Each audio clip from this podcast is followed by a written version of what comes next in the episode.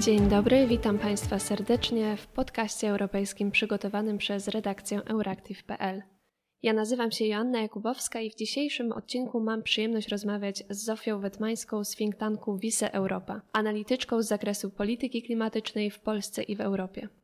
Jednym z powodów, dla których postanowiłyśmy porozmawiać, jest świeżo opublikowany raport, którego Zofia jest współautorem. Dokument pod tytułem Zielona odbudowa od kryzysu do realnej zmiany zawiera rekomendacje, jak pieniądze unijne, które Polska dostanie w ramach tzw. Tak Krajowego Planu Odbudowy, powinny zostać zainwestowane w projekty, które będą odpowiadały na technologiczne, zdrowotne i klimatyczne wyzwania XXI wieku. Nie ma co jednak przedłużać, dlatego przekazuję głos naszej ekspertce.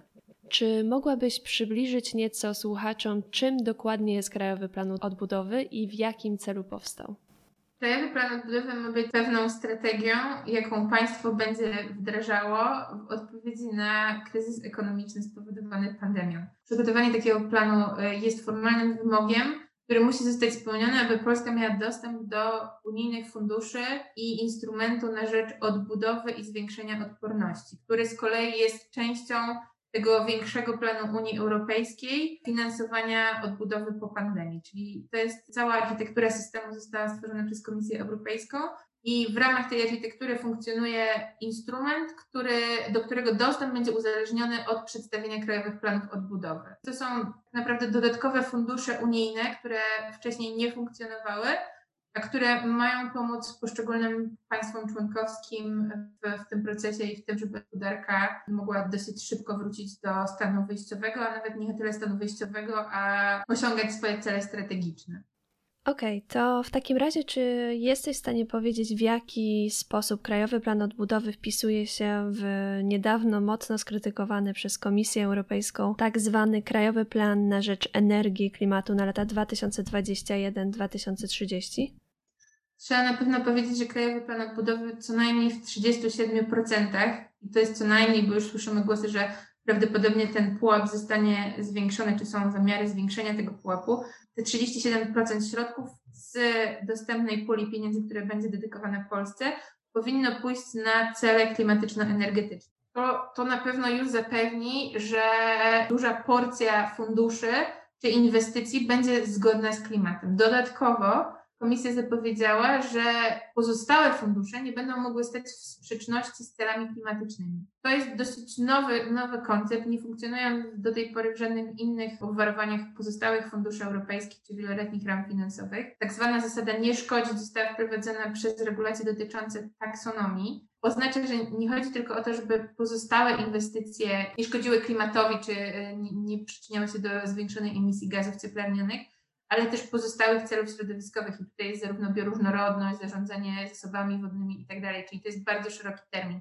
I to bardzo jest ważne, żeby zdać sobie już na tym etapie sprawę z tego, że w zasadzie 100% funduszy europejskich pochodzących i przeznaczonych na odbudowę gospodarki po pandemii w danym państwie nie będzie mogło szkodzić żadnemu z wymiarów środowiskowych. Już wiemy, że będzie konieczność zapewnienia tego, że projekty będą prośrodowiskowe, teraz pytanie, jak, e, jak to się wpisuje w nasze obecne plany na rzecz energii i klimatu? Jest na pewno bardzo zasadne, ale już zaznaczyć, że te plany są już uaktualnione przez PEP 2040, przez najnowszy projekt, który został pokazany w ostatnim miesiącu, czy, czy w, na przestrzeni ostatnich dwóch miesięcy, gdzie widać, że rząd już wprowadza ambitniejsze działania. I teraz, jeśli chodzi o, o, o ten oficjalny nasz dokument, który funkcjonuje jako KPIK, to wiemy, że postanowienia w tym dokumencie zostały postrzegane przez Komisję jako mało ambitne.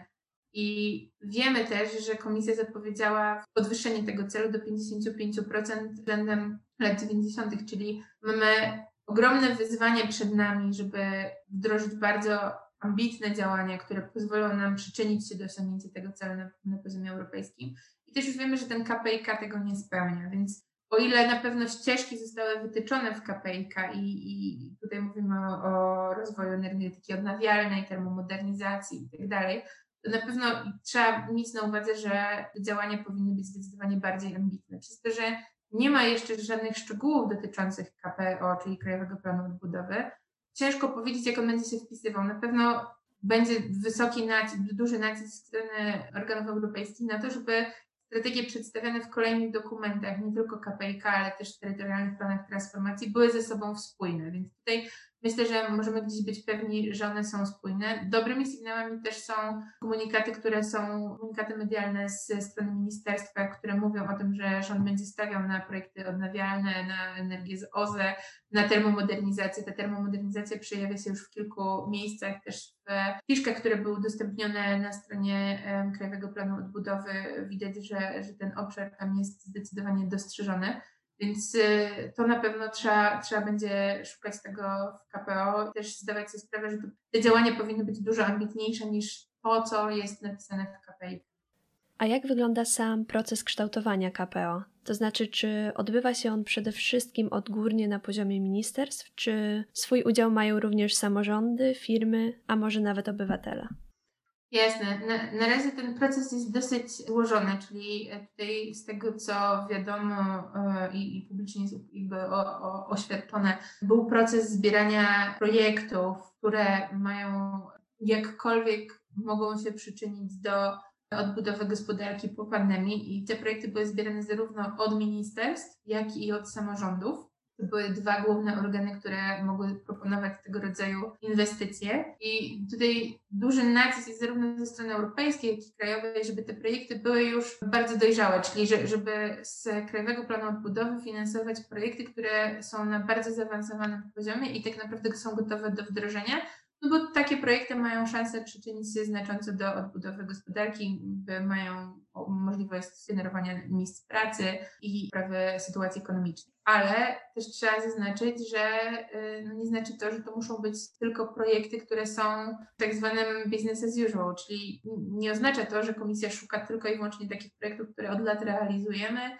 i tym razem będziemy mogli je realizować dzięki KPO. Tutaj, tutaj na pewno trzeba podkreślić tą konieczność wartości dodanej, które, które te projekty mogą zaoferować i żeby nie były to te same, co, co po prostu są wdrażane rokrocznie z budżetu krajowego czy innych środków europejskich. Te, te projekty były zebrane od ministerstw i od samorządów. Potem, z tego co wiemy, ponad 2,5 tysiąca, około 2,5 tysiąca projektów zostało zgłoszonych. Pierwszy proces selekcji pod kątem tego, czy w ogóle one spełniają kryteria, jakby te, które zostały narzucone gdzieś przez Komisję Europejską po projektów, które mogą się przyczynić do odbudowy. Po tej pierwszej selekcji zostało 1200 projektów i obecnie e, trwa, czy gdzieś na zaawansowanym poziomie jest selekcja zgodności tych projektów z kryteriami tematycznymi. Jest kilka obszarów tematycznych. Wiemy też, że na pewno jednym z nich są jest transformacji energetycznej, czy, czy szerzej klimatyczno-energetyczny. Te kryteria gdzieś nie są powszechnie upublicznione. Te projekty mają też służyć wypracowaniu tzw. Tak mapy drogowej odbudowy i tego, co um, informuje ministerstwo na podstawie dostępnych projektów tego, jakie one priorytety um, czy obszary priorytetowe wyznaczą, tym będzie, kierowała się, będzie kierowało się ministerstwo przy wyznaczeniu programu reform, który także musi być przedstawiony wraz z Krajowym Planem Odbudowy. Z tego, co um, mi wiadomo, czy nam wiadomo, nie jest ten proces, który jest poddany szerszej, szerszym konsultacjom. W pewnym momencie, pod koniec września, Ministerstwo Rozwoju otworzyło szansę zgłaszania projektów obywatelskich, czyli każdy mógł zgłosić swój projekt, który będzie zgłoszony następnie do Krajowego Planu Odbudowy, ale przez Ministerstwo Rozwoju, które także składa swoje propozycje do Ministerstwa Funduszy Europejskich, więc to gdzieś tam był e, ministerialny, można powiedzieć, proces konsultacji i, i, i tak naprawdę to była jedyna szansa, żeby e, szersze społeczeństwo się w to zaangażowało. Jeśli chodzi o sam proces wyboru tych projektów, on jest realizowany teraz w tak zwanych grupach roboczych. Niestety skład tych grup roboczych nie jest też powszechnie znany, czy sposób wyboru tych grup roboczych też nie jest tam e, arbitralny. Mechanizm utworzenia tych grup został gdzieś stworzony przez ministerstwo i, i niestety nie ma żadnych informacji, jak to wyglądało, czy, czy jakie zasady się to opierało. Więc tutaj, jeśli chodzi o włączenie biznesu czy, czy szerszych grup, no to, to niestety nie jesteśmy pewni, na jaką skalę, bo, bo nie ma w tej chwili informacji.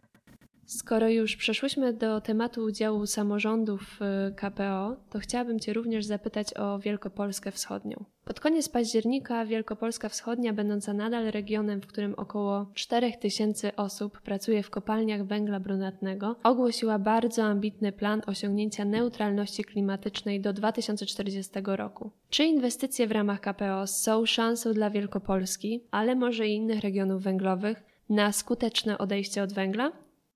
To jest na pewno bardzo ważny temat. Sam, sam fakt ogłoszenia przez Wielkopolskę Wschodnią celu neutralności klimatycznej i odejścia od węgla. Może po kolei, czy, czy, czy KPO będzie dla, dla szansą dla Wielkopolski? Na pewno będzie, ale trzeba tutaj już od razu zwrócić uwagę na to, że Komisja Europejska przedstawiła kilka mechanizmów finansowania Zielonego Ładu, czy w ogóle celów strategicznych. I w ramach tego oprócz wieloletnich ram finansowych, które służą w ogóle y, wszystkim regionom, tak one są skierowane i gdzieś dystrybuowane przez poszczególne regiony, mamy Fundusz Sprawiedliwej Transformacji, który ma służyć dokładnie wsparciu regionów, które są uzależnione od gospodarki paliwami kopalnymi do, i, i ten fundusz ma wspomóc w tej transformacji. I oprócz tego mamy Fundusz na Rzecz Odbudowy. I teraz ogromnym wyzwaniem strategicznym jest zapewnienie, żeby te fundusze się nie nakładały i wykorzystanie tych funduszy do adekwatnych celów, czyli nie ma sensu w każdym wypadku tam wykorzystywać funduszu na przykład na rzecz odbudowy do samej transformacji energetycznej, bo na to są też inne środki przeznaczone i dedykowane są temu. Więc nie ma powodu, żeby te różne systemy wsparcia się w jakiś tam na zasadzie kanibalizowały. Trzeba bardzo dobre mieć zrozumienie tego, czemu mają służyć poszczególne inwestycje, żeby wykorzystać odpowiednie źródła wsparcia, a tym samym odblokowywać te fundusze, których nie potrzeba wykorzystać akurat do tego celu, na inne działania, które mogą przyspieszyć odbudowę. I tutaj innym wątkiem też jest w ogóle fakt posiadania tej strategii, tak? Jest to pierwsze województwo chyba, które będzie miało strategię neutralności klimatycznej. I, I to jest ogólna słabość państwa, że my nie mamy tych strategii, czyli my wybieramy projekty obecnie, nawet te, które mają służyć klimatowi czy energetyce, nie mając jednocześnie zaakceptowanych strategii, długoterminowej strategii niskoemisyjnej, czyli tej strategii, która określa nasze, naszą strategię dekarbonizacji do 2050 roku. PEP jest też na razie jeszcze w wersji roboczej, jest nowa aktualizacja, ale ona też nie jest zaakceptowana. Strategia termomodernizacji budynków też nie jest jeszcze zaakceptowana i po prostu Mamy bardzo dużo dokumentów strategicznych, które gdzieś już są na jakimś etapie przygotowania, ale nie są jeszcze celnymi ścieżkami wdrażania działań. I mimo wszystko wybieramy projekty. I teraz, nie mając określonych celów, nie jesteśmy też w stanie zapewnić, że te projekty i te fundusze, które mamy na najbliższe lata i które będą decydowały tak naprawdę o przyszłości, jakby tego, jak będzie wyglądała gospodarka, bo te fundusze są naprawdę na rzecz odbudowy, są, skala tego funduszu jest bardzo duża i nie jesteśmy w stanie zapewnić w tym momencie, że którekolwiek z inwestycji, która jest planowana w ramach tego funduszu, przyczyni się w znacznym stopniu do realizacji celów strategicznych, bo trochę działamy jako państwo od końca. Najpierw znajdujemy projekty, a potem mamy nadzieję, że będą pasowały do naszych strategii. I, i, i to jest gdzieś bardzo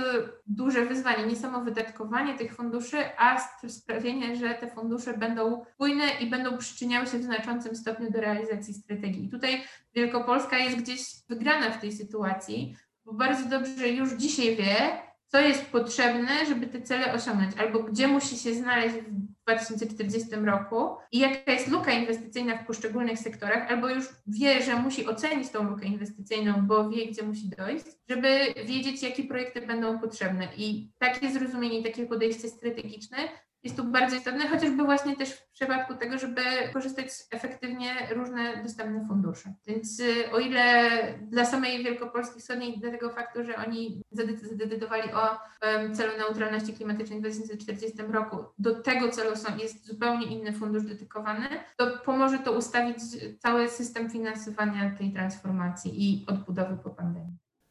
Znakomicie. To jeszcze w takim razie, jakbyś mogła na koniec dodać, kiedy poznamy więcej szczegółów i opublikowany zostanie dokładny plan działania? Bo póki co można dużo mówić i gdybać, ale niestety nadal czekamy na konkrety.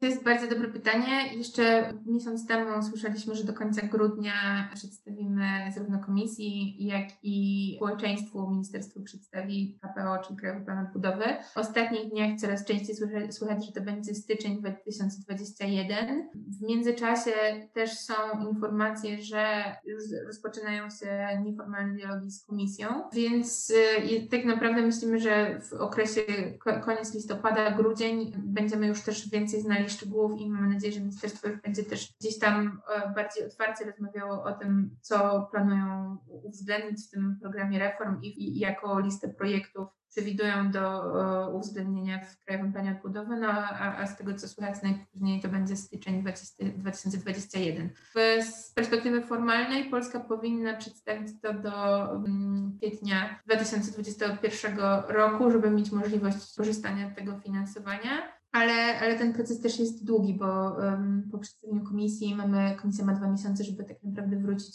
do nas z rekomendacjami i z zastrzeżeniami czy z decyzjami, więc, więc to też spodziewamy się, że ten proces będzie tak naprawdę iteracyjny, no a dodatkowo też środki ostatniej tej transzy, czyli na początku dostaniemy 70% tego finansowania, które na dzień dzisiejszy zostało zaakceptowane, że będzie przysługiwało Polsce, ale pozostałe 30% będzie po pierwsze uzależnione od naszych wyników ekonomicznych w pierwszych dwóch latach, czyli tam do 2020 roku, a e, po drugie też spodziewamy się, że ten proces w ogóle formułowania planu y, będzie kilkustopniowy, więc też nie jest tak, że w kwietniu czy w styczniu dostaniemy plan czy strategię, którą, która sztywną będziemy e, realizować, tylko widać, że jest szansa na dynamiczne dostosowanie do potrzeb i konieczności, więc to też jest na pewno przydatna informacja. Super, dziękuję Ci pięknie za rozmowę. Dzięki wielkie. To była Zofia Wetmańska, analityczka z think tanku Wise Europa. Ja nazywam się Joanna Jakubowska i chciałam Państwa na koniec serdecznie zaprosić do słuchania naszego podcastu europejskiego, znajdującego się na naszej stronie internetowej euractiv.pl. Można go również znaleźć na Spotify oraz na platformie SoundCloud. Dziękuję za uwagę i do usłyszenia wkrótce.